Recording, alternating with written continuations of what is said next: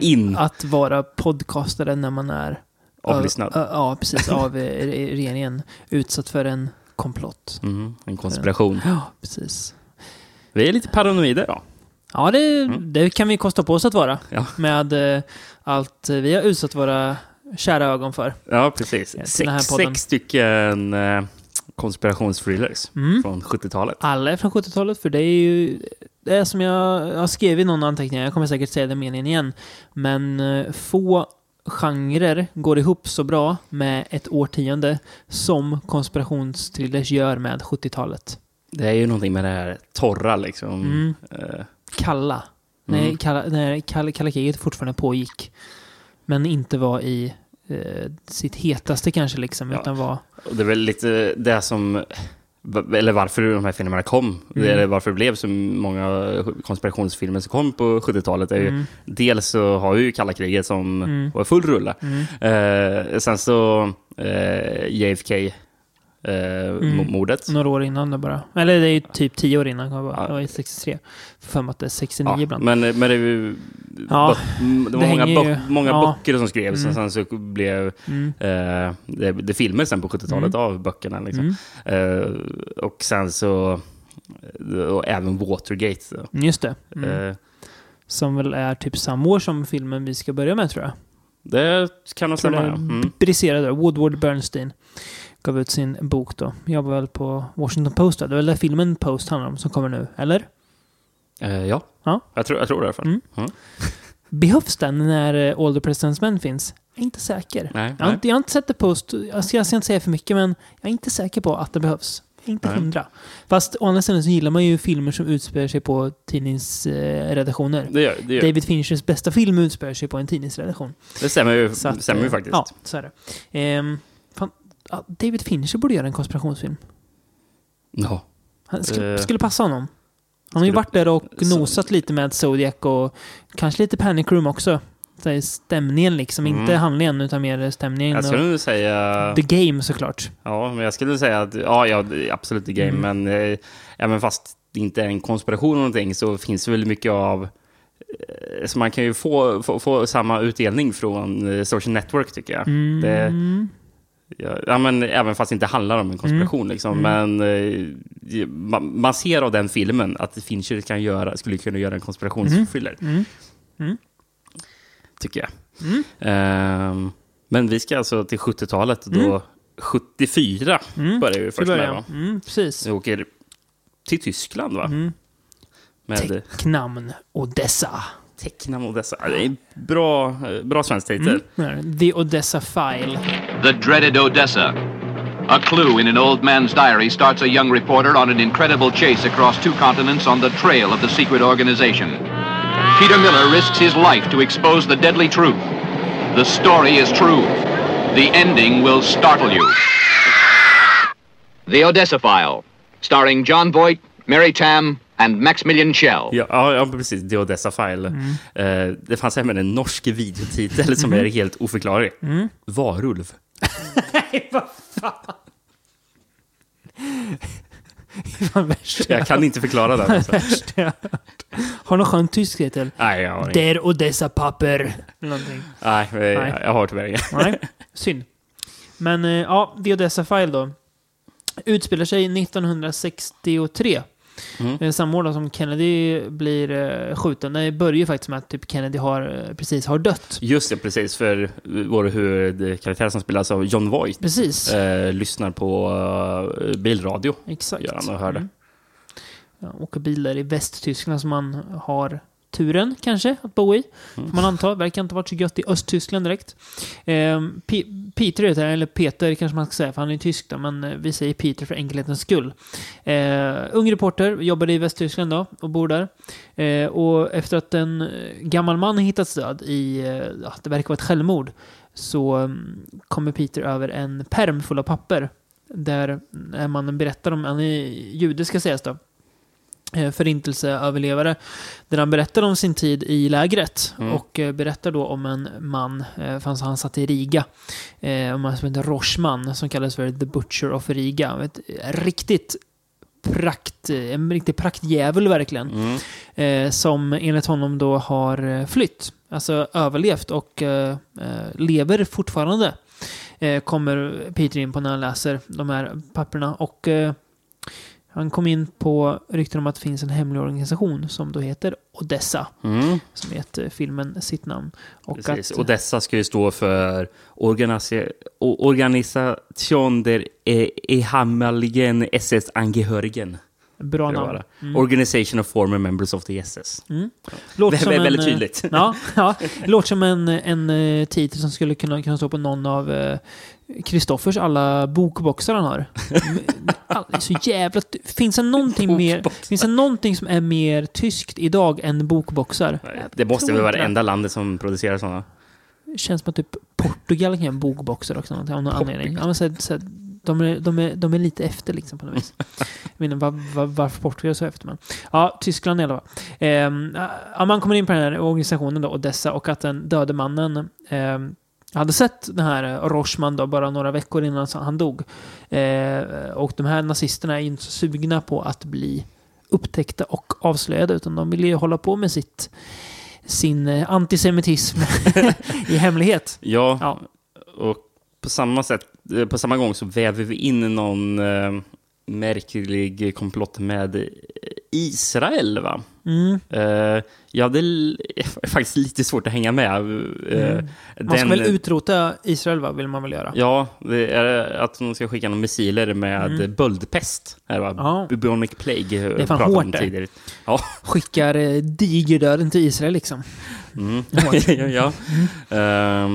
Nej, men eh, den här eh, filmen då baseras på en bok från 72 Mm. av eh, Frederick Forsyth. Mm. Mm. Ehm, Ganska stor författare, va?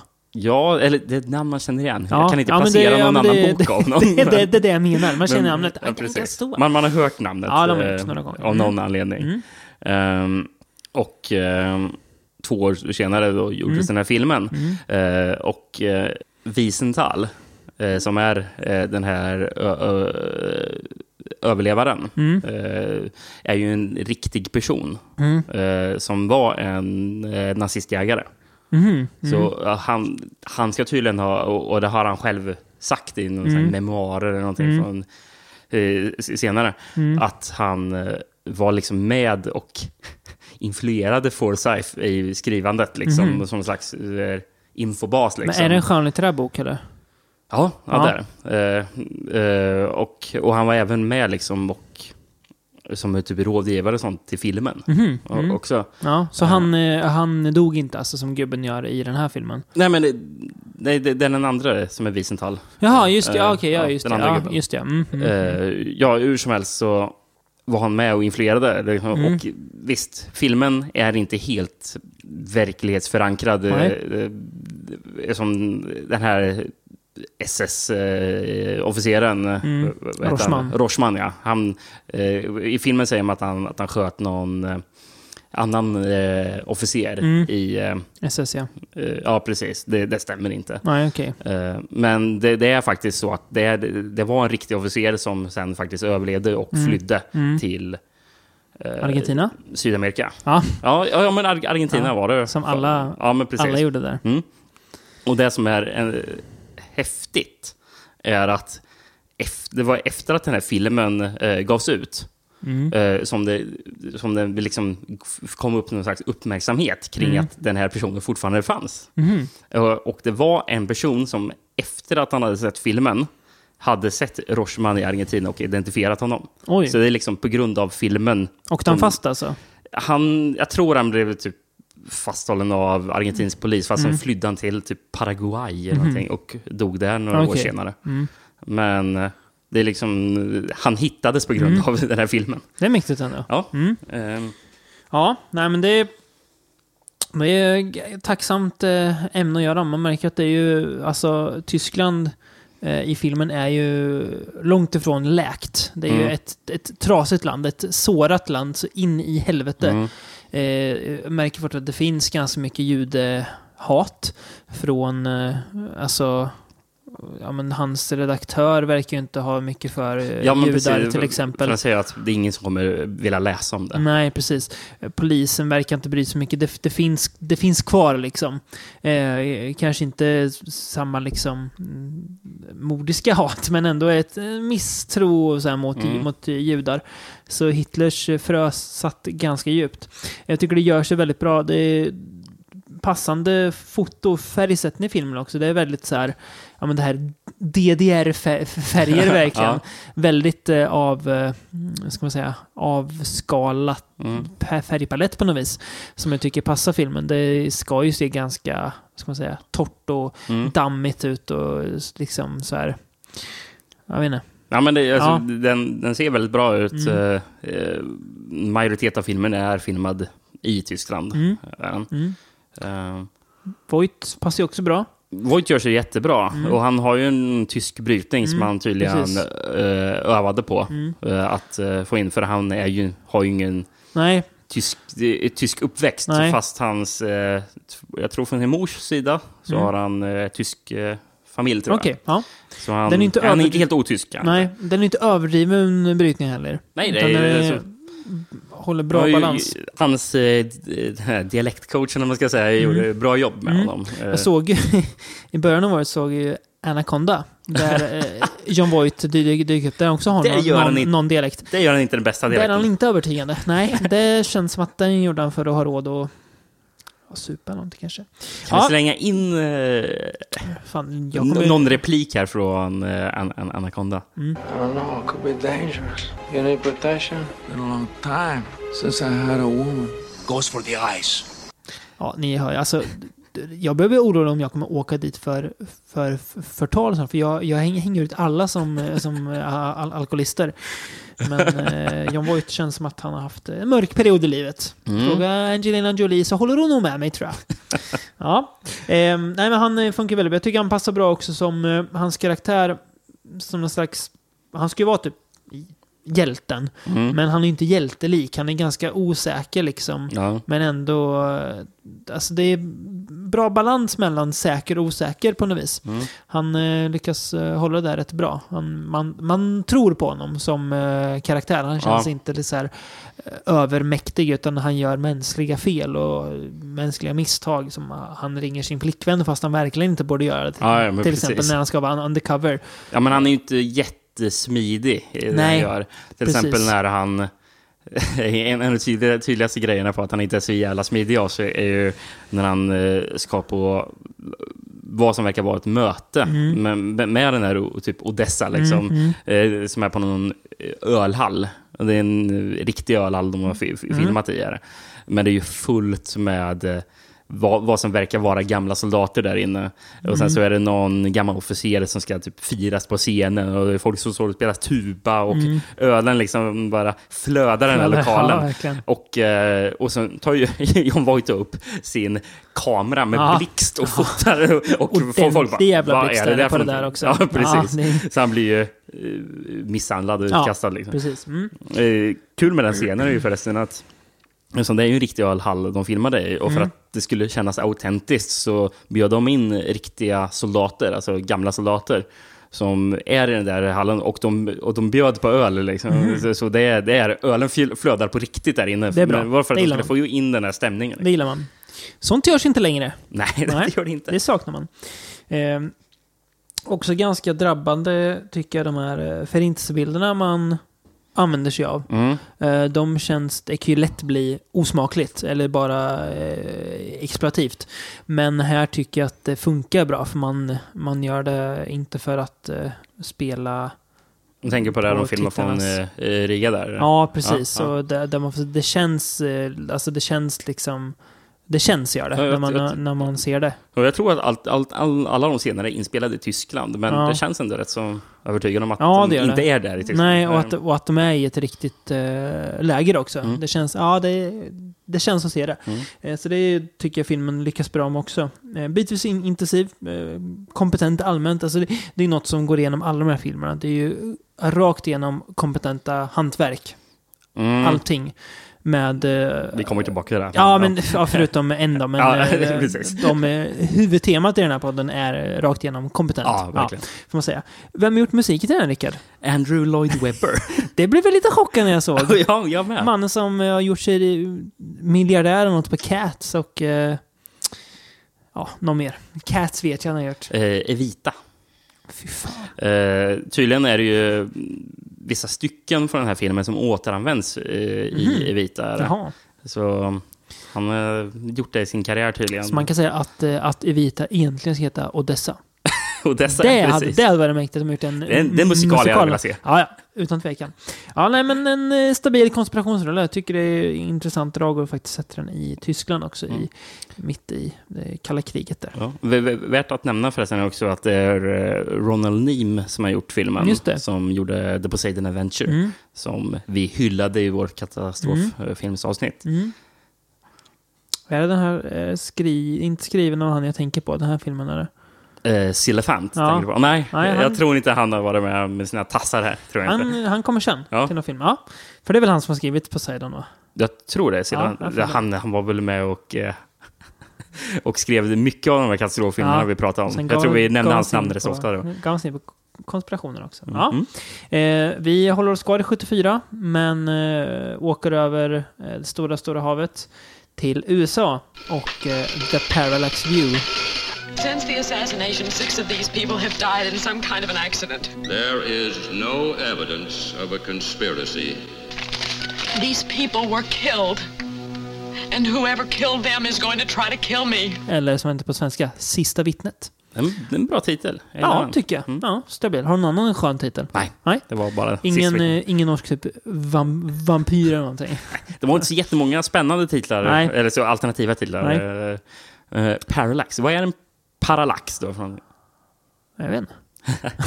är, det, är, det, är det en grej eller? Ja, det är...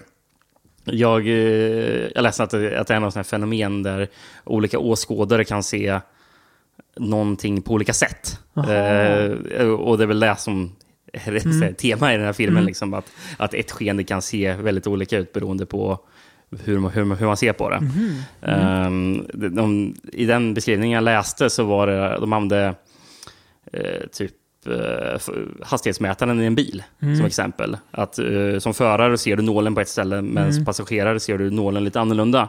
Så det ser olika ut f- eftersom du sitter på olika håll. Och det är det, det är parallax Parallax, ja. view. Fascinerande. eh, inleds med att en senator blir mördad eh, under eh, brinnande valkampanj. Eh, mördaren är en kypare som he- helt bara ja, sk- skjuter honom från ingenstans. Mm. Eh, och i jakten som följer den, jag går ut honom på taket från högt upp i en byggnad, så mm, ramlar han ner och dör. Inte vilken byggnad som helst, utan det är eh, Space Needle i Seattle. Är ja, det det. är där de är till och med. Jävligt imponerande hur de har filmat på den. Mm. Skitsnyggt när de är, när de är på det Där taket. Också, ja. Ser fruktansvärt högt upp. Ja, det ser jobbigt ut. I mitt i allt det här så har vi en eh, kaxig och nyfiken reporter, Joe Frady, spelad av ärkebocken Warren Beatty, som väl säger sig ha legat med eh, några tusen kvinnor tror jag. Ja, Kan man förstå när man, när man ser honom. Ja, men- ja fan, eh, jävligt han- charmig. charmig. Ja, charmar byxorna av vem som helst. Eh, han eh, får ändå besök. Det går no några år, ska vi säga, mellan det här då. Eh, från en kvinnlig bekant, också reporter tror jag, som berättar hur flera av vittnena till det här mordet har dött. Ganska mystiskt får man säga också, Mm. under eh, efterföljande år. Eh, och att någon är ute efter henne också. Eh, Joe tror ju inte riktigt på henne. Han tänker, ja men vadå, de är dött av hjärtattack. Inget, inget konstigt liksom. Eh, men eh, kort efter så dör hon ju. Och eh, ser ut som ett självmord. Men Joe blir ju tveksam. Då såklart. Och börjar ju nysta det här och märker snart att det är något väldigt fuffens med allt där. Och eh, hittar ju då den här organisationen Parallax som verkar ha ganska många fingrar med i det här smutsiga spelet. Mm, en del. Mm. Jävligt bra förtexter tycker jag. Eh, redan i förtexterna så sätts det en, en konspirationsstämning. Ja. Det känns väldigt så här, kallt och så här. Musiken tycker jag sätter en ton väldigt bra. Mm. Redan direkt en sån bild som är, är fryst. Eh, ja. Kan vi säga att den här filmen är den som känns mest kall av de Mm. pratar om. Mm. Den känns väldigt så här... Mör, mörkast också på ett sätt. Ja, ja men precis. Ja, men det, det har väl med den där kylan liksom Mm, att göra. mm. Så här, väldigt så här, alienerad eller någonting. Mm. Så, så här, s- Mm. stämning liksom på Mm. den. Eh, den är ju fotad rätt så annorlunda är den. Mm. Eh, den har... Alltså, alltså in, inramningen liksom, Mm. på, på, på, på må- många scener är konstig. Att eh, folk står i hörn Mm. eh, av, av bilden. Och att, eh, mm. det, alltså det är stora öppna ytor eh, som Mm. egentligen inte används. Ja. Mm. och, det, och, det, och det tycker jag bidrar till den här liksom, Kalla kylan. kylan. liksom, ja, precis. Att han är väldigt alienerad då. Mm, men, ja, men, och sen så vet den här, alltså, må, många scener som är fotade på långt håll, liksom, så man får se karaktärer här, in, inte så nära kameran. Jag, jag tycker det bidrar. Mm. Men, men du sa att eh, alltså, första bildrutan, att, eh, Mm. att man ser konspirationen. Mm. Man ser konspirationen redan i taglinen, skulle jag säga. Mm. Jättebra, tycker jag. Mm. Eh, taglinen som är There is no conspiracy, just 12 people dead. Ja. Mm. Ja, kan man undra. Eh, Warren Beatty, han är ju extremt charmig som sagt. Ja. Han eh, tycker man om. Lätt och väldigt lätt att eh, sympatisera med. Man förstår ju varför han eh, pratas om som en så lysande eh, ska man säga, scenpersonlighet på något vis. Mm. Han, Eh. han, han hoppar ju... När han hoppade in eh, på att skulle filma den här Mm. så blev det lite panik eftersom manuset var inte riktigt klart. Nähä. Eh, och Warren Beatty hj- hjälpte till faktiskt att skriva klart det sista manuset. Oj, gjorde han. Eh, Coolt. Sen var det väl på början på 80-talet där så blev han väl regissör också. Mm. Eh, för han gjorde den här Reds. Mm, som jag just tror är från typ Mm. 81. Mm. Eller något. Som de pratar om i den förträffliga podden Eights All Over. Ja, Vet jag. precis. Mm. Ja, det ser man. Eh, han är ju med i ett ordentligt barslagsmål också i den här filmen, Warren Beatty, när han bråkar med en... Ordentligt barslagsmål? Ja, lokal polis. Den polisen känns som hämtad ur vårat Southern Comfort eh, av, avsnitt. Ja, han hade ju kunnat vara med i vilken av de, de eh, filmerna som helst och ingen hade höjt på ögonbrynen. De slåss ordentligt. Eh, i, Ja, är det, är att han har bara sån här Are you a lady eller någonting. Liksom. Ja, för att han vill, han vill ha mjölk, för han är ju en nykter alkoholist verkar det som. Mm. Eh, Så att, nej, men han vill Får man en förklaring mjölk. till det? Eller är det bara att han... Nej, man får väl anta att han har haft ett lite brokigt förflutet och att det, det, därför hans eh, chefredaktör är så eh, skeptisk Mm. till honom också. Att Ja. nej, men vi vet att du har gjort dumma saker förut. Han ser ju lite härjad ut, gör han Ja, faktiskt. gör ju I, i, I alla fall i början gör han Mm. väldigt, eh, ser han väldigt härjad ut. När Mm. han ska i, hem, in i någons hem Mm. och han frågar eh, I'm looking for my parrot. Mm. ja. Eh, ganska kul med så här eh, tidsmarkörer som man, man ser ibland i filmer. Eh, jag tänker på när de flyger i den här filmen. Så han drar bara in, in, in i planet, sätter sig någonstans och köper biljett på. Just ja, för han Planet. drar ju så sedlar. Ja. Och folk sitter och röker också som, som skorsten såklart på flygplanet. Det är ganska fascinerande för oss som inte har flugit eh, på den sidan av eh, millennieskiftet. Nej, Eh, nej man, eh, jag, jag visste inte ens att det var kunde- möjligt liksom, att köpa biljett på planet. Det känns så jäkla eh, långt bort från hur det är idag. Eh, jag, jag, tycker, jag gillar den här jättemycket. Jag tycker den är, jag tycker, alltså, särskilt slutakten tycker jag är jättesnyggt regisserad. Och alltså spänningen, det är ju sån här klyscha som har sagts förut, men det, den går att ta på. Mm. Och sen gillar man ju såklart det olycksbådande och, eh, ska man säga, dystopiska slutet också. Mm, ja, Som eh, tycker ramar in filmens stämning väldigt bra. Det knyter ihop till sin början också där med eh, en scen som kommer i, alldeles i slutet. Som jag tycker är den, att den eh, träffar väldigt bra. Mm. Så det, ja, jag tycker den är, ja, ruskigt bra. Ja. Mm, Eh, och ruskig också, stämningsmässigt. Ja, där, där med. Mm. Även den här filmen är ju eh, baserad på en bok. Jag tror den boken också heter Parallax eh, View, tror jag den Mm. gör. Eh, Skriven av någon eh, Lauren Singer. 1970. Mm. Eh, ska vi se. Sen är det ju förresten, du nämnde ju i början uh, All the President's Men. Mm. Det är ju regissören eh, till den här filmen. Just det, ja. Som typ året efter eller två år efter gjorde All the President's Men. Va, vem? Alan J. Pakula. Ja, just det. Mm. Han gjorde sen på 80-talet Sophie's Choice. Ja, Eh, och 90-tal tror jag, Pelikanfallet. jaha. Mm. Mm.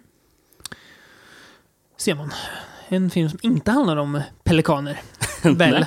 Nej, det är väl lite konspirationer i det också va? Ja, kanske. Man tror ja. det. Mm. The Pelican Brief. Va? Just det. Mm. Ja, ehm, 74. Bra år för konspirationer. Eh, det är även 75, om du inte hade något mer att säga om The Parallax View. Nej, Nej. jag hade inte. Eh, vi ska hänga några dagar med eh, kon Kondorn. Säg, vad, vad säger man på svenska? Är det inte eh, Kondor? Kondor, just det. Ja. Kondor. Kondor. Kondorn. Ja, eh, Eh, Three Days of the Condor ja. till och med ska vi hänga med. Precis, ap apropå uh, All the President's Men, för det här får vi träffa på en ack så charmig Robert Redford. Jag, jag, jag, jag, jag vill säga, här, här, här, får vi träffa, här får vi träffa på en av presidentens män. Det får, vi ju inte göra. Nej, ja precis. Eh, en Tre av- Mm. dagar för Kondor heter den på uh, svenska. Då. Eh, Rimlig översättning man säga. ja, det kan man Ja. säga. Det är så rakt av det kan Ja. bli. Eh, vad som inte var rakt av, för jag hade faktiskt tydligen en tysk titel i alla fall Ja. att bjuda på. En västtysk titel. Ja. Träffpunkt Mitternacht CIA. Jaha, det låter som att, att, att, alltså något hemligt CIA-möten på natten. Det är det ju inte så mycket i den här filmen. This is the Major. This is Joe Turner. Identification? My name is Turner. I work for you. Now listen. Identify yourself. What is your designation? Uh, Condor. Something has happened. Section 9, Department 17. The section's been hit. What level? What level? Level of damage. Everybody. Dr. Lapp, Janice, Ray, Harold. Everybody is dead. Are you damaged? Damaged. No. Are you armed? It's a 45 automatic. Will you guys bring me in, please? I'm not a field agent. I just read books. Robert Redford and Faye Dunaway in danger and in love in three days of the Condor. Du ska ju få dra din handling. Eh, men man kan ju också su- summera handlingen väldigt kort med en tagline. Som är His code name is Condor. In the next 24 hours everyone he trusts will try to kill him. Typ så är det. Eh, Condor då heter egentligen Joseph Turner. Och han jobbar som eh, researcher på CIA. Han läser böcker Ja, för att typ avkoda efter meddelanden. Eh, som man sen vidarebefordrar uppåt. precis. Eh. Det, det, det, det är- Väldigt, väldigt luddigt jobb vad det, vad, vad, vad, vad det han gör. Ja, ja men precis. Men något sånt gör han i alla fall. Eh, han är ute för att handla mat till sina kollegor. Eh, och eh, kommer tillbaka och ser att alla har blivit mördade. Mm. Av, eh, vi ser att tre män som eh, tar sig in på kontoret som ju är eh, under, undercover. Det står att den är alltså literary society eller någonting. Ja, Literary Historical Society eller Ja. någonting. Ja. Eh, så han ringer då upp såklart sina, ja, högre upp i CIA för att berätta vad som hänt. Men känner väl inte riktigt att eh, Det han- går att lita på dem va? Nej, precis. Eh, och det, den känslan stegar sig bara när han ska bli hämtad. Ja. Eh, han ska bli upplockad och eh, blir istället utsatt för ett mordförsök. Eh, och undkommer nätt och jämnt att bli skj- skjuten. Så i ren desperation så tar han en tjej som gisslan, spelad av Faye Dunaway. Mm. Ehm, Tvingar henne att åka hem till hennes Precis. lägenhet. Eller? Ja, exakt. Mm. Han tar hennes bil och, ja, och sådär. Eh, och en av mördarna då är fortfarande ute efter honom, spelad av vår stolthet Max von Sydow. Mm. Eh, och, Vad, är det han heter nu? eh, eh, Han är fransman va? Här. Ja, precis. Eh, Chaubert. Mm, just det. Eh, Max von Sydow är ju faktiskt fransk liten- med, med, medborgare. Han är flytande franska. Ja, och väldigt bra engelska. Han har en eh, liten, liten nätt mustasch. en han. ond mustasch. Ja, ja, faktiskt. Han, han ser Ja. otäck ut, gör han faktiskt. Ja, gör I sin trenchcoat när han kommer. Ja, någon som inte ser otäck ut, det är ju Robert Redford. Mm. Helvete vad han är eh, karismatisk. Vi har två, två karlar på rad här. Mm. Beiri och Redford. Man, man, på något sätt så är ju Redford mer charmig. Han, han, han ser så snäll ut också. Mm, Han har ja. en liksom eh, snällhet över sig. Och han är inte lika karakarig som eh, Warren Beatty heller. Nej. Så man, eh, man, eh, känner, man känner sig inte lika underlägsen mot Robert Redford som man gör Nej, nej, Warren Beatty. nej, nej, nej, absolut inte. Nej. Och von Sydow passar väldigt bra som eh, Skurk. skurk också. Precis, han eh, känns... Eh, så här, bra ond liksom. Ond på en eh, bra nivå. Inte serietidningsskurks ond, utan ond på en bra nivå. Eh, Ja, eh, ja, men sen eh, Robert Redford, det som är kul med hans karaktär är ju att Visst, han jobbar för CIA, men han är Mm. ju långt ifrån någon sån här erfaren agent. Liksom, nej, så det, det känns som att han verkligen är illa ute. Mm. Eh, det, det känns inte som att det någon gång går egentligen på hans eh, sida. Liksom. Intressant att eh, i Odessa Files så är han journalist, i eh, Paradise View så är han journalist och här så jobbar han med böcker. Det är alla Ja. tre eller hittills är liksom någon slags text, textnissar. Mm. Eh, vilket ju märks också på Redford att han har jobbat mer med sånt än att vara ute och panga på. Mm, ja, precis. Ja, Ja, det- det- lite det- mili- militär träning säger de, men in- inte så mycket. Ja, det, det, det är samtalet som han eh, först drar till CIA när han upptäcker att sina kollegor är döda. Eh, då, han, då han säger I'm not a field agent, I just read books. Mm. Sammanfattar hans, eh, hans panik Ja, ganska bra också. Eh, skulle kunna se Robert Redford nysta upp det här mysteriet jättelänge. Det är så mysigt när, när han Mm. bara så här, eh, ringer och kollar upp så här filer och sånt för att se eh, hur det egentligen st- står till. Då njuter man. Eh, så tycker jag att eh, återigen bra, bra spänning. Paranoian känns ju verkligen här. Det är ju som du läste taglinen, det känns inte som att man kan lita på någon. Nej, verkligen Eh, knappt ens Faye Dunaway eh, för en efter, efter ett tag. Som jag tycker har, eh, de har väldigt bra kemi också. De två. Ja, Så småningom. När de börjar eh, lära känna varandra lite mer. Det känns eh, väldigt naturligt. Men det är väl för att det är två väldigt bra skådisar som båda är väldigt lätt att tycka om också. ja, känns ja väldigt, jag faller direkt för Mm, Faye Dunaway mm, här. väldigt, de, är, de känns väldigt så här, vanliga. Så de, de ser inte så här, ska man säga, onåbara ut i, i den här Nej, filmen. Så det känns så här, lätt att sympatisera med som vanligt folk. ja, precis. Som man säger. Sen så har vi ju eh, Cliff Robertson eh, som spelar eh, Higgins som ska vara typ en av hans, Mm. ja, någon av cheferna liksom, som Mm. är på CIA. Som han typ kan lita på, fast Mm. det är också i filmen väldigt otydligt om man verkligen ska lita på ja. honom Ja, eller ej. Mm. Eh, kanske för många känns som Ben Parker i Sam Raimis Spider-Man-filmen. Mhm. Mm. Är det faktiskt. Jag, jag tror han... Eh, Spider-Man- Ben. Ja, Mm. precis. Ja, Uncle Ben, precis. Eh, jag tror att eh, Spider-Man 3 var den sista filmen han gjorde. Mhm, Innan han dog. Ja, den skådespelaren. Ja. Ehm, och apropå just uh, superhjältefilmer, det är väl den här filmen som Mm. ska vara en av de största inspirationskällorna för eh, de, den andra Captain American-filmen. Uh, First Aven- eller... eh, s- Cap, eh, Winter Soldier. just det, heter det. Ja, precis. Ja. Som eh, Robert Redford är med i. Just det, där ja. Som Mm. någon lurig eh, typ. Mm. Eh, Får man säga. Jag, jag, jag, jag minns när vi såg den filmen på bio. Mm. Och sen dyker Rob, Robert Redford upp och jag hade inte Mm. läst någonting om att han skulle vara med. Och jag, bara, och, jag, och jag hade fått för mig att Robert Redford var död. så jag bara, va? Ja, nej, Lever han och är han Ja. med i filmen? Det känns lite lyxigt. helt Alive and well. typ. Det är väl Robert Redford som har Sundance va? Ja, Sundance Kid har väl döpt den efter Just sin det. karaktär i. Butch Cassidy. Ja. Sundance Kid. Det är väl han, Robert som... Eller har, har. Jag tror det är han som har grundat den i alla fall. Om jag inte ja, minns ja men fel. jag, jag, jag tror det var något sånt. Mm. Eh, nej, men det är väldigt, återigen, kompetent rulle. Eh, slutet, eh, här märker man ju att det är eh, kopplat till boken också. För det finns ju två uppföljare till boken. Så den lämnar ju ganska mycket Bok, boken som heter Six Days of the Condor. Ja, precis. Mm. Eh, Den lä- lämnar mycket för en själv att eh, fundera på. Det är inte glasklart vad som ska hända sen. Eh, jag tycker det, fun- det passar bra också. Man behöver inte få svaret uh, sättet som de bygger upp slutet Nej. på heller. Jag- köper att jag inte riktigt vet hur allting kommer gå. Mm. Det känns rimligt på något vis, tycker jag. Det tycker jag med. Mm. Vad bra. Vi kan vara ense. ja. Ja.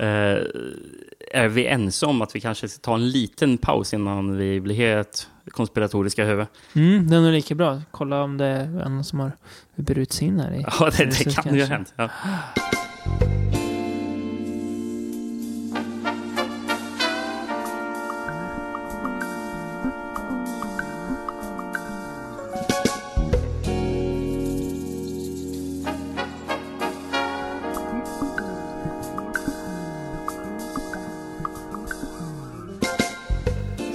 Jag vi tar en liten resa, Rickard.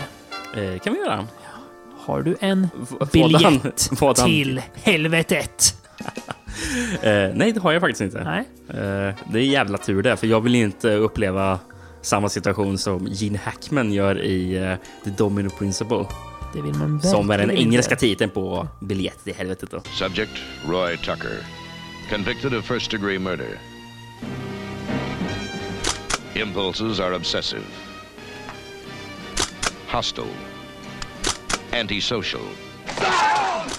Temperament unstable, capable of erratic, violent behavior.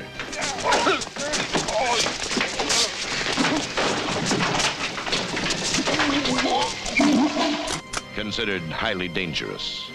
They think he's perfect. I represent a group of people who might be able to help you. The domino principle is about to begin. Ja, Från 77. 77 ja, precis. Mm. Eh, Gene Hackman eh, spelar Roy Tucker, en Vietnamveteran som eh, ja, hamnat i knipa och bakom galler. I eh, San Quentin av alla fängelser. Ja, det man. Mm.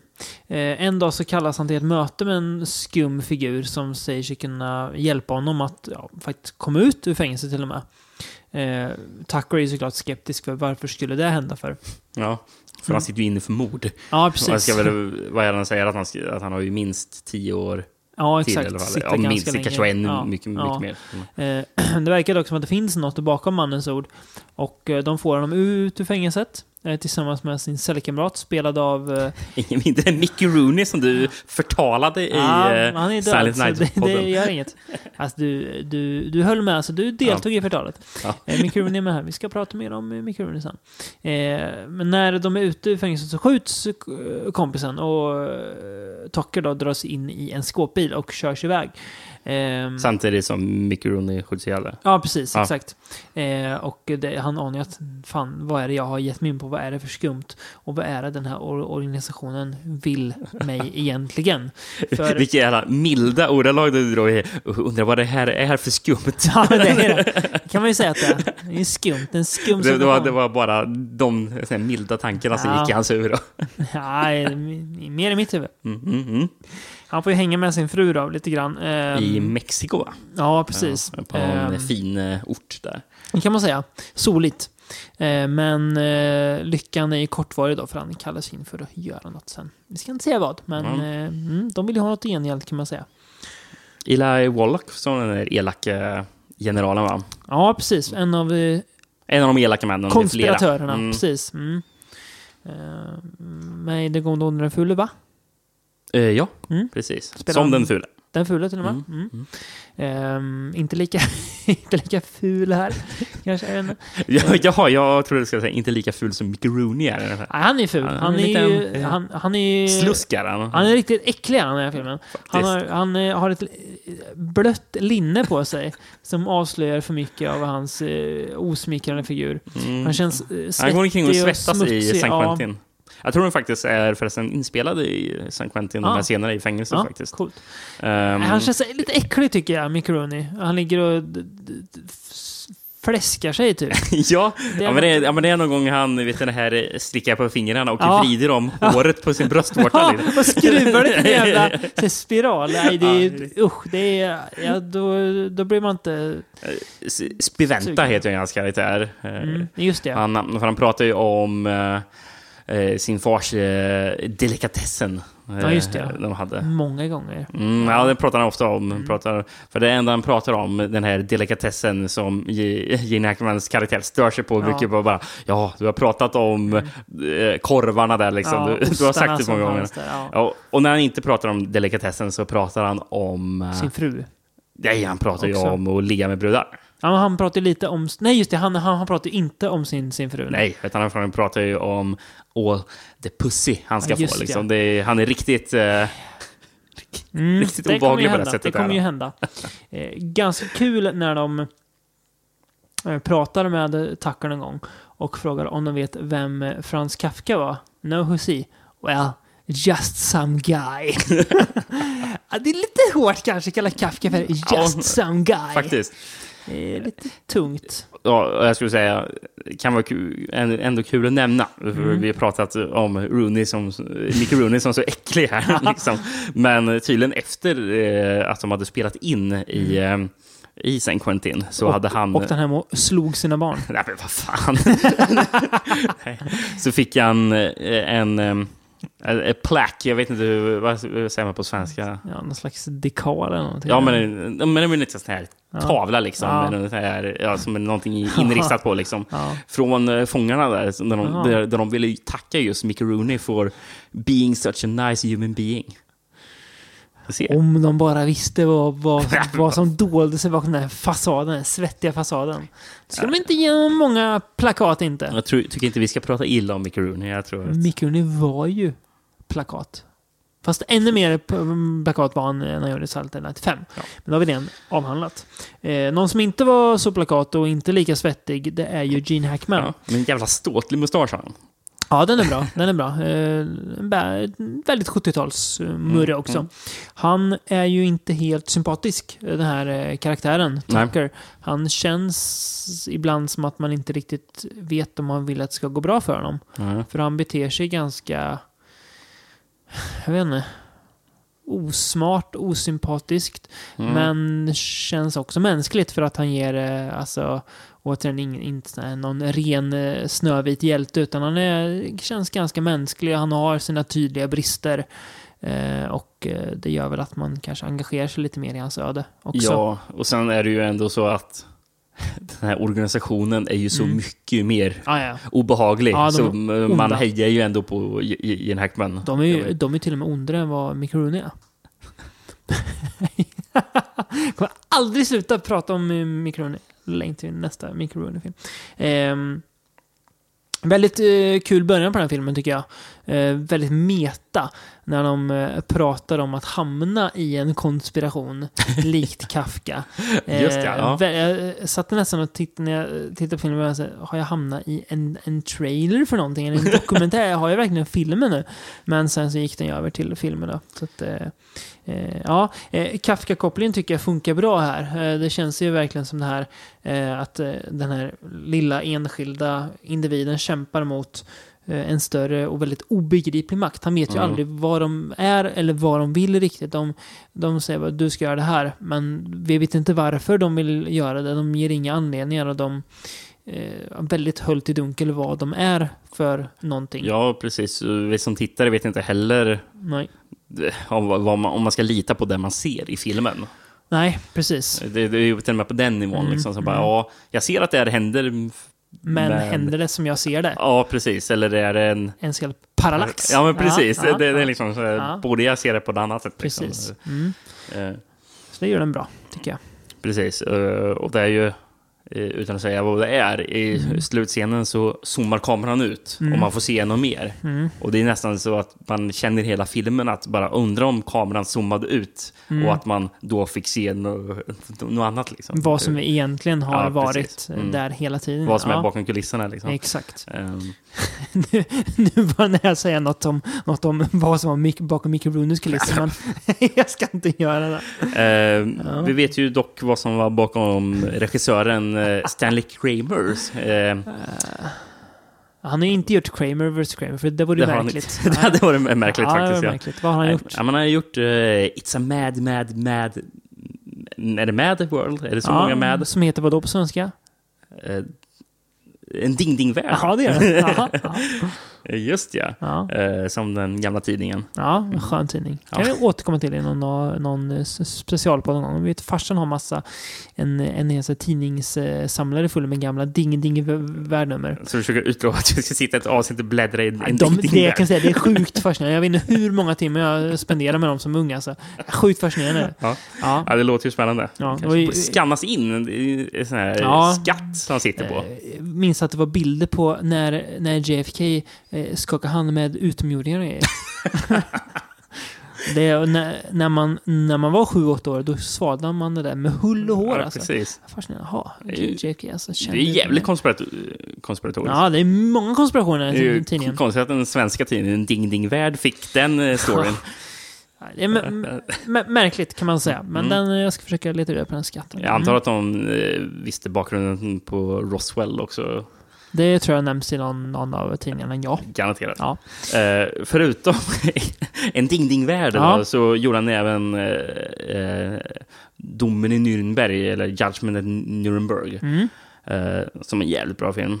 Eh, och sen så även den här Guess Who's Coming to Dinner Mm. med eh, Sidney Poitier. Mm. Var det va? Ja, det tror jag. Mm. Du menar Ashton Kutcher, va? Som är remaken. Ja, just det. Mm. Mm. Ja. Den har Stanley Kramer inte gjort. Nej. Nej. Det är väl tur det kanske. Nej, men eh, så återigen en kvalitetsregissör Mm. Mm. pratar om. Ska vi Också, gå... det är också baserat på en bok förresten. Såklart, Självklart. Det var såklart, varenda, ja. jävla av de här filmerna är ju det. Eh, skrevs 76. Mm. eh, och sen kom en uppföljare på boken 85 sen som heter The Domino Vendetta. Mhm. Då kanske man får veta vad som händer för Gene Hackmans karaktär. Mm. Kanske var Mickey Rooney's också. Kanske. Ja, man Det vet. vet man aldrig. Nej, precis. Eh, Ja. Samma år. Mm. Kom en eh, film som inte behöver någon svensk titel, för det har den redan nästan. Den heter gott Telefon. Telefon, ja. There are more than 200 million people living in the United States today. 51 of them are Soviet deep cover agents, hypnotically programmed to become instruments of total destruction. They don't know who they are, but one man knows that all it will take to trigger them is a simple phone call. MGM presents Telefon, code name for the most explosive motion picture of the year. The next time your phone rings, how do you know it won't be your turn? You'll never know. Until you see Charles Bronson, Lee Remick, and Donald Pleasance in Telefon. Telefon. Ehm, har du några AKA-titlar ändå på den? Eh, inte alls. Nej. Jag, jag, jag tror varenda jä- jäkla AKA-titel var telefon. Ja. Är den baserad på en bok? Eh, ja, Ja. det, det, det var det ta mig fan att det var. Eh, ja, Mm. Walter Wager heter det. Det kanske inte alls man uttalar, uttalar det, men han... Walter Wager. Ja. Eh, eh, han hade, hade i alla fall skrivit en bok som heter Telefon från 75 där. Ja. Eh, han, eh, dock intressant, den författaren skrev även eh, 87 en bok som heter 58 minutes. Mhm. Eh, som är boken som en annan film baseras på, Die Hard 2. Jaha. Så det är tydligen en, en, en helt orelaterad bok liksom, som Die Hard 2 Märkligt. baseras på. Märkligt. Med John McClane inslängd då antar jag i den handlingen. Mm. Jag antar att han inte var med egentligen. Nej. Nej. Nej. Eh, vem har gjort den här filmen, Rickard? Telefon? Eh, telefon har gjorts av Don Siegel. Eh, Mm. Som gjorde bland annat eh, Escape from Alcatraz.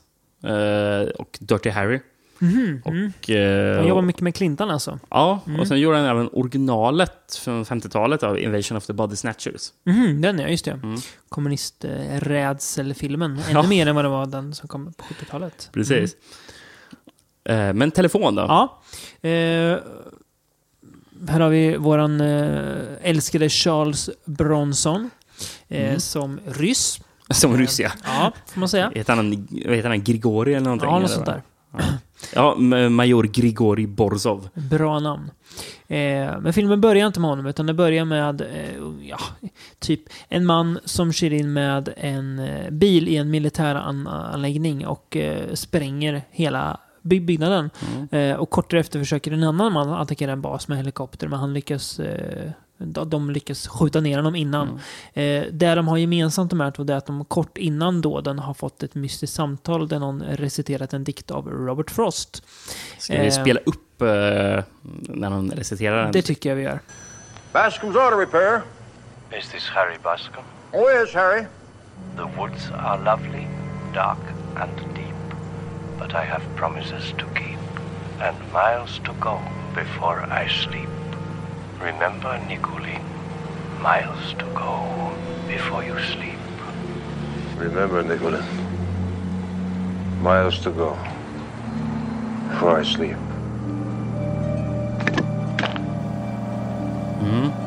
Mm. Eh, Fin. Ja, ingen av oss vill göra terrordåd nu? Nej. Nej, Nej, bra. nej Bra. precis. Jag tror inte vi har blivit influerade av KGB. Nej, det är bra. Vi är inga ryska sleeper-agenter, för det är Nej, just precis. det, där de är. De planterade i USA och eh, när de hör det här samtalet så ska de utföra ett dåd. Eh, och grejen är att det finns en lista med alla de här namnen och eh, informationen om vilka de är och sådär som har stulits av en ryss som har tagit sig till USA för att skapa kaos då. Det här gillar ju inte ryssarna, för även om det var kalla kriget så ville man ju inte sätta igång en konflikt så här lätt. Så man skickar dit då eh, Charles Bronsons karaktär för att förhindra, ja, ett, det är ju förhindra ett tredje världskrig. Ja. Som väl egentligen hela jäkla kalla kriget handlar om. Att göra, förhindra ett tredje världskrig från att bryta ut. För amerikanerna skulle inte bli så glada om de får reda på att eh, ryssarna har hemliga agenter som bara väntar på att bli aktiverade i deras kära land. Nej, inte riktigt. Nej. Och vem är det som håller på och eh, spelar in dem, eller som ringer upp de här sleeper Ja, agents? det är ju världens bästa överspelare. Ingen kan spela över så bra som Donald Pleasence. Nej, det, det, det är sant faktiskt. Mm, det är faktiskt sant. Han, eh, eh, han spelar Nikolaj Daljimski. mm, ond. Ja, jä- Ja, jävligt ond ja. faktiskt, Donald Pleasence. Han är som mest ond när han har blont hår också. Ryskt blont hår. Fungerar jättebra som uh, galen ryss. Det enda jag hade önskat mer, det är att han hade mer brytning. Gärna, gärna överdriven mm, brytning hade jag velat haft. Mm. När jag läser upp Ro- Robert Frost det är lite Det för det bra engelska. Ja, Och eh, om något av de här filmerna vi pratar om och den sista filmen vi även ska Mm. prata om sen så är det ju den här som känns lite... lite alltså- mer trash på något vis. Ja, precis. Ja, det, ja. det gör ju det. Så Ja. om ni, någon film så hade väl en överdriven brytning, brytning passat till just den här. Ja, verkligen. Eh, Charles Bronson pratar ju amerikanska istället. ja, precis. Han, Ja. Jag försöker inte ens. Nej, han bryr sig inte. det. Det, det, det känns verkligen inte som att han gör det faktiskt. Men, Eh, men eh, och, och, det är väl det som jag tycker saknas i den här filmen. Mm. För de, de andra filmerna ska ju vara seriösa. Mm. Den här försöker vara seriös, men kan inte riktigt vara det. Nej, och så för en försöker också dum vara handling, lite liksom, campid också liksom på något vis. Ja, Men uh, lyckas inte riktigt blanda dem helt och hållet. Jag tycker den är, gan- den är väldigt underhållande dock. Eh, som en, Mm. en popcornrulle. Fungerar inte lika bra som en konspirationsrulle. ja samtidigt tycker jag att den, är för rörig. Den har nästan... Alltså handlingen är väldigt eh, rörig Mm. med att eh, s- sleeper agents och sen så är det dubbelagenter eller trippelagenter. Liksom. Yes. Och eh, jag tappar bort mig själv. Liksom. Eh, Jag tycker, jag tycker den är ganska kul. Jag tycker jag blev underhållen. Den är Mm. ju eh, sämst kanske av de här konspirationsserierna, men fick ändå ut något av den. Jag tycker den är Mm. ganska kul. Charles Bronson är ju... Om jag sa att ingen kan spela över så bra som Donald Pleasence så kan väl ingen vara så charmigt butter som Charles Bronson är. Han kan ju se uttråkad ut och ändå vara Ja, han ser vara jävligt charmig. uttråkad Ja, han ut, ser faktiskt. ganska... Eh, Tydligen skulle jag säga, eh, ha sagt till eh, re- regissören Don Siegel. ja, För Don Siegel ville ju att eh, Charles Bronson skulle raka av sig sin mustasch till filmen. han vägrade. Ja, ja det kan man säga Ja. att han vägrade, för han sa no mustache, no Bronson. Det borde varit filmens tagline nästan. Kul att prata om sig själv i tredje person. Ja. Eh, ja, han är bra på vad som sagt. Det- Jag tycker det är ganska bra tempo ändå. Eh, som håller igång filmen. Eh, slutet är ju ganska pajigt. Är det. Ja, Men eh, det är väl ändå verkligen. lite gött i en... Alltså det, en fungerande, en stabil rulle tycker jag. Eh, skulle lätt kunna plockas ut ur den här podden och sätta in i något annat. Så skulle man ersätta det med någon lite Mm. mer seriös eh, konspirationsrulle. Men eh, ja, alltså redan på affischen så anar jag o- o- oråd. Är det här verkligen en konspirationsrulle eller är det en jävla så här, kung fu-rulle med Charles? Bronson? Ja, för man ser Charles Bronsons stora hand liksom, Ja. som eh, håller en telefon. Ja, liksom. Ser nästan ut som att man ska slåss. Liksom. Ja, märkligt. Men det var väl det man, man sålde in Bronson på, antar jag. Att han, eh, han kunde slåss. Ja. Eh, sen så, ett till minus som ska man väl säga, är Mm. att jag tycker inte att Lee Remick som spelar eh, Dubbel, trippel, kvadruppel. agenten, Agenten. Eh, fungerar riktigt. Hon gör inte så mycket av sin roll och har väl inte så mycket att jobba med kanske. Nej, och jag tycker inte hon passar i den Nej, rollen. nej. Eh, som någon rysk-amerikansk agent Mm. eh, som man inte riktigt vet var, Nej. var, Nej. vilket, vilket läger hennes eh, fötter står. Eh, men jag, jag tycker inte hon liksom kan spela mot Bronson. Nej. Eh, de har ingen bra kemi. Nej, nej de, är inte, de är inte så mycket för mig. Nej, nej, nej. nej. Den romansen tror jag inte så mycket på. Nej, inte det minsta faktiskt. Men jag gillar Donald Pleasence, jag gillar att den är lite så dum, känns lite så pulpig nästan. Eh, på, på något vis i sin eh, den här plan. Det är ju en jävligt bra plan av eh, ryssarna får man säga. Ja, det, det måste man Och säga. de har ju lyckats. eh, planterade 50 s- s- sleeperagenter också i USA som alla eh, är ganska kapabla att utföra rätt rejäla eh, Som har smält in Attacker. extremt bra som Ja, ja. amerikanska medborgare också. ja. Pratar perfekt amerikanska. Mm. Ehm, Det är kul, tycker jag. ja, in, innan vi går till den sista filmen Mm. måste jag säga också eh, kul, kul grej apropå just Die Hard 2. Mm. Av, av, av en ren jävla slump. Eh, så under inspelningen, för de spelade in delar av filmen i Finland. Såklart. Eh, gjorde de ju. Och då var det en del finska skådespelare där. Eh, till exempel eh, Åke Lindman som är med i Arne Mattsson-filmen Ah. Damen i svart. exempel. okej.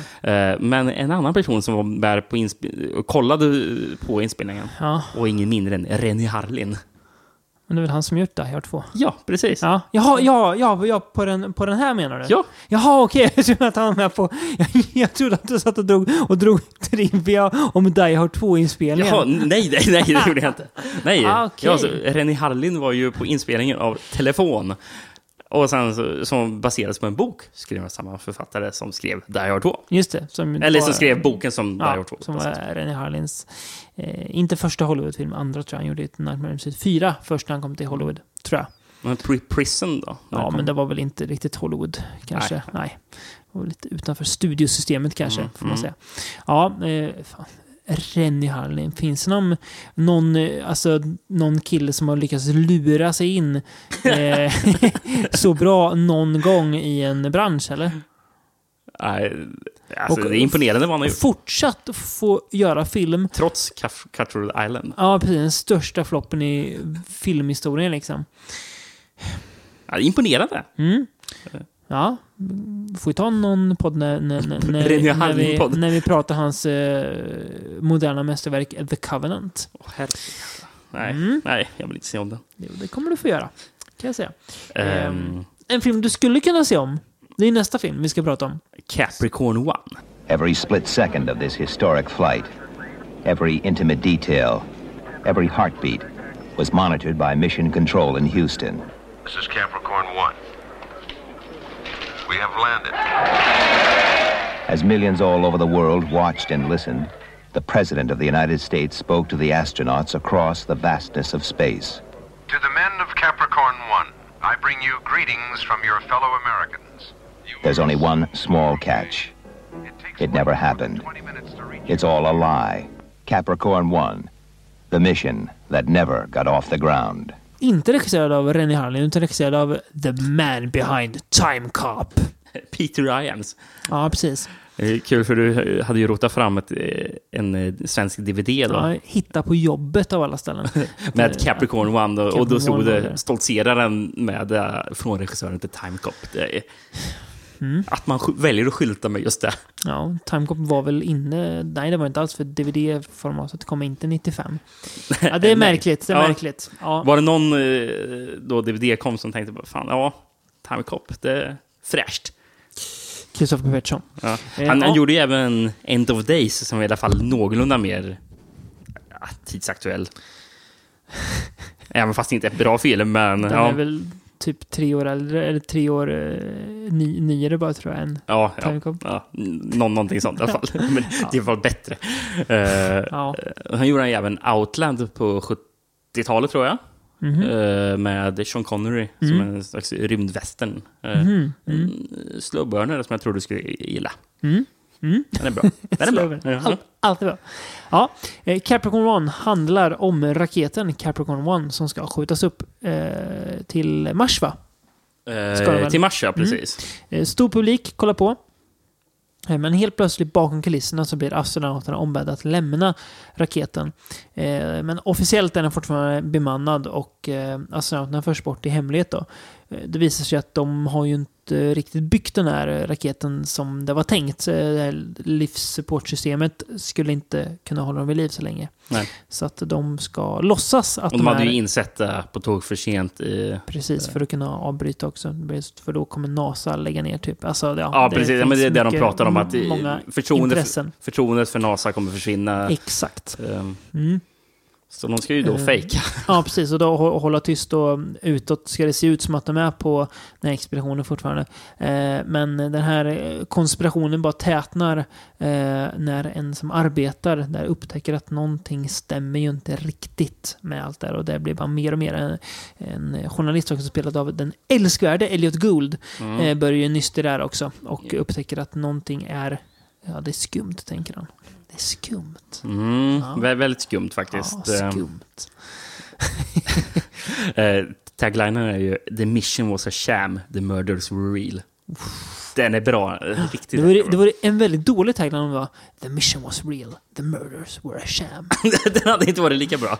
Världens sämsta film hade det varit tror jag. Ja, precis.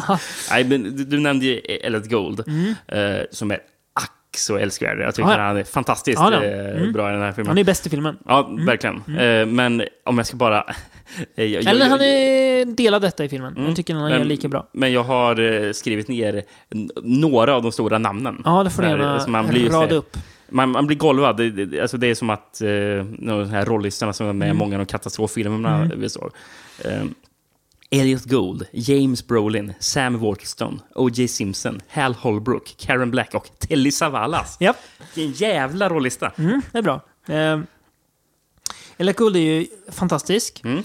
Eh, Sam Waterston och O.J. Simpson får inte jättemycket att göra. Nej. Men de funkar väl. Mm. James Brolin ja, funkar. Han är väldigt så här, all American och det passar bra som astronaut, tycker Ja, jag. ja. Eh, men jag tycker Hal Holbrook som är filmens skurk på något vis, en av de här konspiratörerna. Han är riktigt bra. han är väldigt bra. Han håller en monolog ganska tidigt i filmen som eh, nästan gav mig rysningar.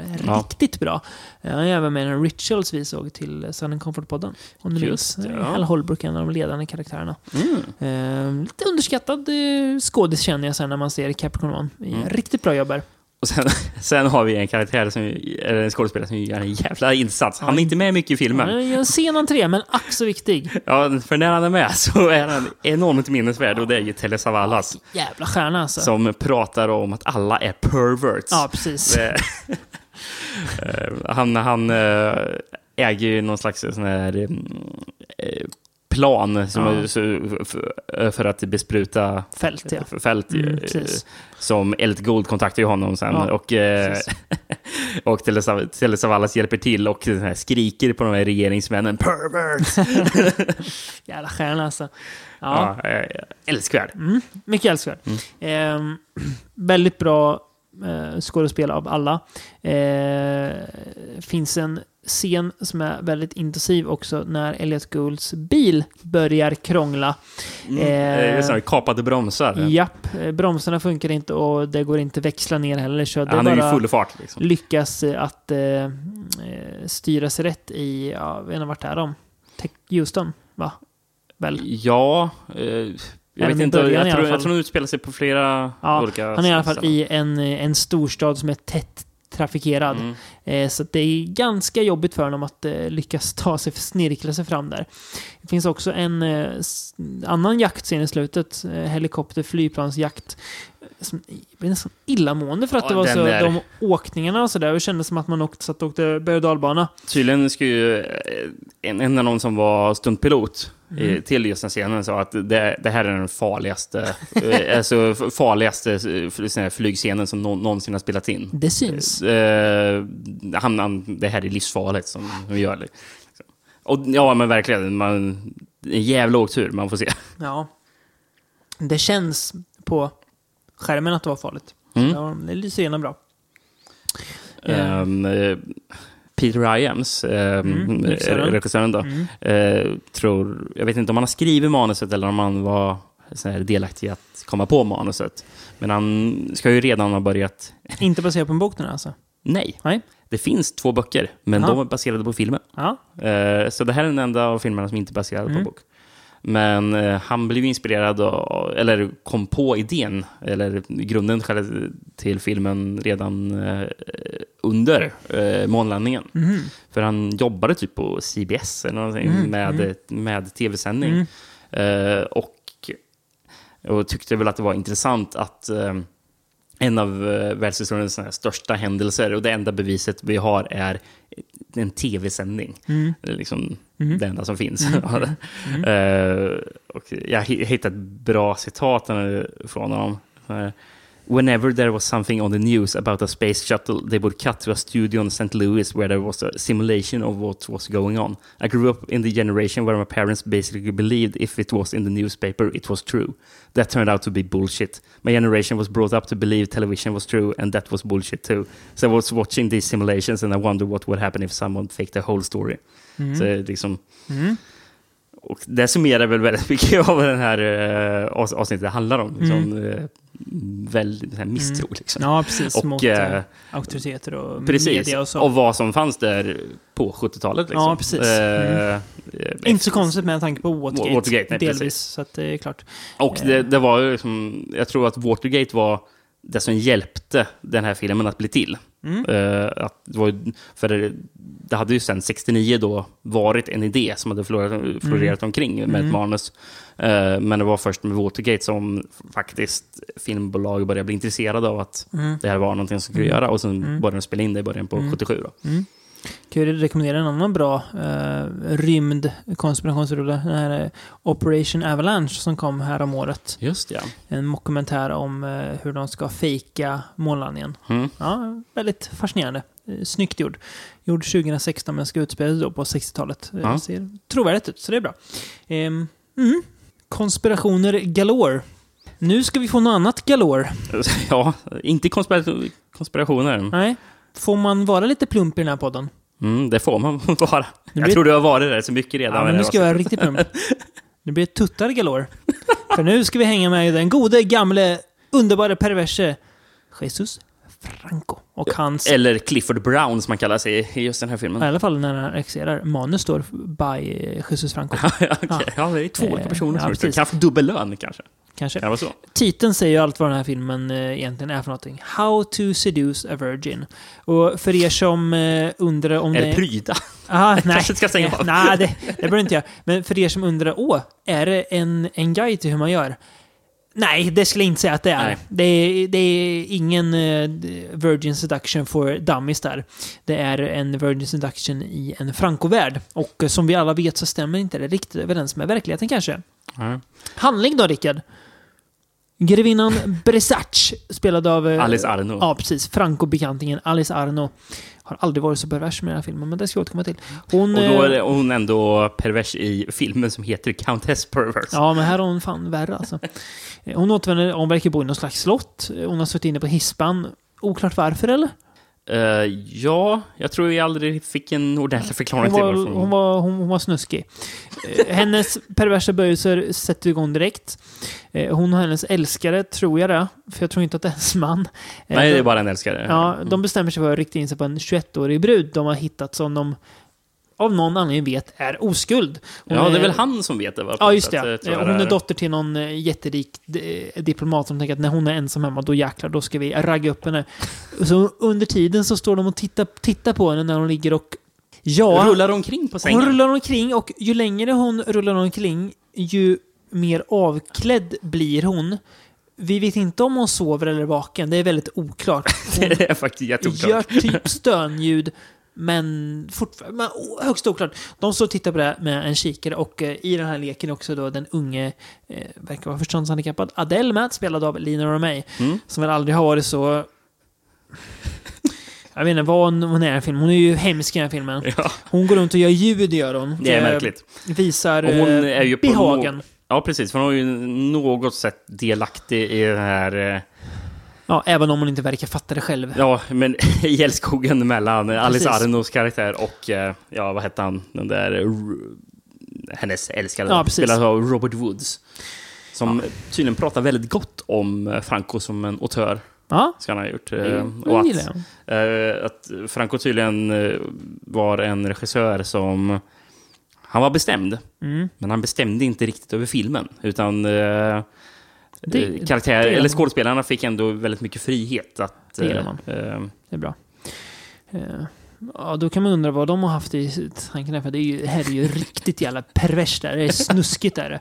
Det här är, eh, ja, det är su- suspekt redan från början, men det blir bara värre. Mm. Eh, undrar hur han har regisserat Lina och mig. Man har sagt du Lina, gör vad, gör vad du vill. Ja, det är en konstig Eh. scen då man bara klipper lite snabbt till Lina Romay då hon sitter med läppstift och som bara målar på kinden av sig själv.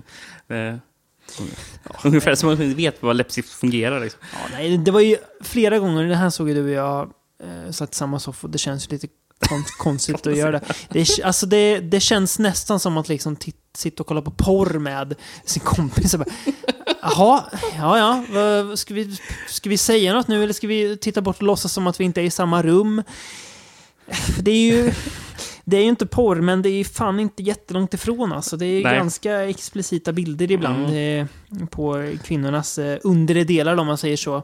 Franco filmar ju inte alltid dem i så smickrande vinklar. mm, Tycker inte jag i alla fall. Nej, nej, det nej. tyckte nog han, men det Mm, gör inte jag. Nej. Eh, jag sa ju till dig när vi kollade på den att det här är ju det snuskigaste jag sett sen eh, Lorne the Exorcist. Just det. Eh, den är på något vis ännu perversare, men den har ju någon, något gött över sig. Ja, Det här, är, faktiskt, det här är eh. bara snuskare.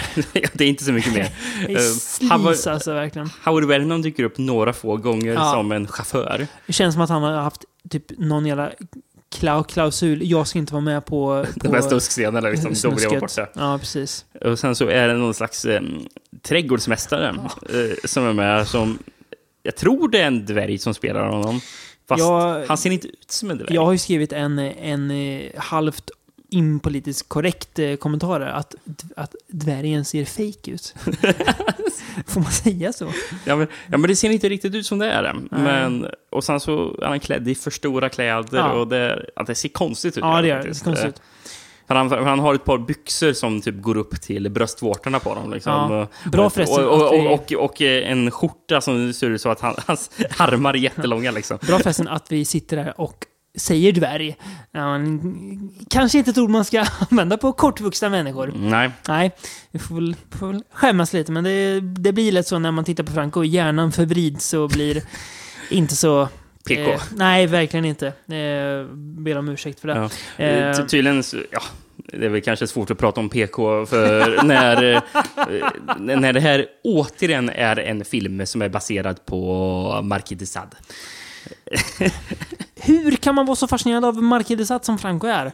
Vad var det han gjorde så bra? Han, Och, och tydligen är det samma, s- samma eh, jag vet inte, är det ens en roman? Jag vet inte, vad, vad skrev Typ. Marquis? Ja, jag tror han gjorde det. Ja, ja, men jag vet inte om det här är det. Nej. Jag gissar på att det är en roman, Ja. men eh, som typ alla hans så här e- Egeni Mm. eh, eh, filmer ska baseras på. Han har typ fem stycken Mm, eller någonting mm. liksom. Och alla baseras på det här om en ung kvinna som blir förförd av Ja, men eller kommer i, eh, eller blir inte introducerad till se- sexualitet Mm. av tre perverterade människor. Liksom. Och det... det- är ju vad det här handlar om. Liksom. Mm, och, och det är även det vi har sett i två andra. Eh, Desad-baserade... Bättre filmer ska sägas. Ja, mm. Gigi Desad och vad hette den andra? Eugenie bara tror jag. Her Ja. Journey into Perversion. Just det. Tror jag den heter. Eh, Med vet- Howard Vernon i peruk. Ja, just det. Var det den? Ja, jag Eh, tror det. och Klaus Kinski här domedags Ja, just det. situation. Mycket bra. Ja. Vet du vad det roliga är, tror jag? Jag tror att eh, jag faktiskt har en eh, Marquis de Sade-bok stående hemma i hyllan från, det, från när jag var eh, prenumerant på bokförlaget Vertigos böcker. De släpper mycket suspekt. Då fick jag hem en eh, Marquis de, de Sade-bok en gång. Den kommer jag aldrig läsa, för den är ju typ så 600 sidor lång. Det är en tjock jävel är det. Ja, Kanske måste göra det för att man ska kunna förstå Franco. Då överlåter jag det till dig så kan du berätta om vad det handlar om sen. Mm, Mm. Nej, det är, det är inte... Jag, nej, det är bara, det är bara snuskare. Det, är, det dröjde inte länge förrän jag tittade bort och sen ti- tittade på annat och eh, fokuserade på annat. Det var man kunde liksom titta bort och sen titta, ja de ligger fortfarande och gökar. Så ja nu är det li- lite handling, då kan jag kolla. Ja nu börjar de eh, ligga, med, Ja. ligga med varandra igen. Och sen är de ute och pratar med eh, trädgårdsmästaren. Ja. Liksom, och, ja. Ja, Franco har pervers, det kan man ju slå. Mm. Men han var en jävla god gubbe ändå, får man säga. Ehm, goa gubbar var ju inte nazisterna. Vilken jävla segway. Jag vet, tack. Det är jag nöjd med. Eh, men man gillar ju ändå det här ryktet om att eh, Himmler hade något slott där han utförde skumma ockulta experiment på. Precis, man lockas ju av eh, nazister plus det ockulta. Det är sexigt där, skulle jag vilja säga. Ja. eh, därför man gillar spelserien Wolfenstein Ja, så mycket precis. också. De ju gjort många spel baserade på det, här, liksom. den Oh ja. lockelsen. Oh ja. Mm. Eh, Det är det vi ska prata om i nästa avsnitt. eh, Om, eh, ja, ockulta nassar helt enkelt. Mm. På olika sätt med lite ja, blandad eh, uppsjörulle. Bland annat eh, den film som Michael Mann hatar mest i sin karriär. Ja, Ska vi prata om. Som därför tyvärr aldrig kommer släppas på något vettigt format. förrän eh, Michael Mann går bort. Kommer inte ens stå. Hans hela estate kommer, kommer säga Ja, sig det, det, det, det blir inget. Nej, det blir inget. Ehm, Det är synd. Men eh, ja, det ska bli spännande att se. Ja, eh, kan ju förresten också flagga för att eh, du, du har ju flera avsnitt pratat om att du ska skapa en lista över, där vi sammanställer alla filmer vi pratar Mm. om i den här podcasten. Mm. Och den listan finns nu. Mm. Jag lämnar över tyglarna till dig. Ja. Ja. Eh, och jag, till skillnad från dig, eh, fullföljer ju arbetet. Mm. Eh, så, så den går nog att hitta. Jag tänkte i inlägget som vi publicerar i samband med Mm. va- va- varje avsnitt. Mm. Eh, Så i- till det här avsnittet så kommer det finnas en länk Mm. så man kommer till den här Mm. listan. Jag lägger upp en eh, länk på fejan också. Mm. Till den. Det är Eh. samma inlägg där. Eh, kan ju följa oss på Letterbox då. Eh, Där listan kommer ligga. Ja, är, jag heter eh, Belasco med C. Eh, vet, vet vad du heter? Den här? Rick Lightning. Rick Lightning heter Ja, du. ja. Sen visste jag också vår kära vän Kristoffer. Vad, vad heter han på? Ingen aning. Nej, ni, ni hittar den. Han heter Kristoffer Pettersson. Eh, så att, eh, kolla upp det. Vi, vi är ganska roliga att följa. Jag har ju förresten, jag kan ju, jag kan, jag kan ju få flagga för. Jaha. Att jag har ett idiotprojekt på gång som kommer sträcka sig över år. Ja, det, det få får du absolut prata för. om. Där jag ska ta med den här boken 1001 filmer sig innan du dör. Eh, jag är på film eh, nio just nu tror jag. så det går sakta men säkert framåt. Det är väldigt, det är väldigt mycket långa stumfilmer så här i början. Eh, så det ser ni Det är på Egmont hos- eh, D.W. Griffiths Ja, mästerverk enligt dig, eh, Birth of a Nation, med Ku Klux Klan som hjältar. Jag kan diskutera den när jag har tagit mig igenom boken. Men eh, jag har faktiskt ett Instagramkonto som heter 1001 filmer. Det vore kul om ni eh, kollar där. Det är, jag skriver ett litet eh, omdöme om varje film jag ser. Mm. Så dokumenterar min resa som jag väl räknar med kommer ta en sex år kanske någonting. Om jag är, om jag är optimistisk. Eh, Det, det är sjukt att se 100 filmer per år från boken så tar det 10 år. Så lång tid kan det inte ta. Så jag måste öka takten lite. Kan man säga att det är ditt Mount Everest? Ja, precis. Det kan man säga. Du har ju ett liknande projektet eh, som går segt, som man säger. Det är ju inte, du är inte lika effektiv som jag är än så länge om man räknar procentuellt som är att lyssna igenom alla skivor i den här 1001 album, som är betydligt lättare projekt.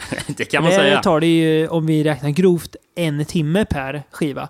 Mm. Medan jag har filmer som är ibland sju timmar långa. Precis. Det är, det är mitt Mount Everest. Mm. Kan Som- bli mitt eh, Waterloo också. Som din gode vän så väldigt tryckte det. Ja, nu har vi gjort reklam för oss själva några veckor. Tack för att ni har lyssnat på när vi har pratat konspiration. Och glöm inte att titta er själva över axeln en extra gång. För man vet aldrig vem som tittar, vem som lyssnar eller vem som är ute efter.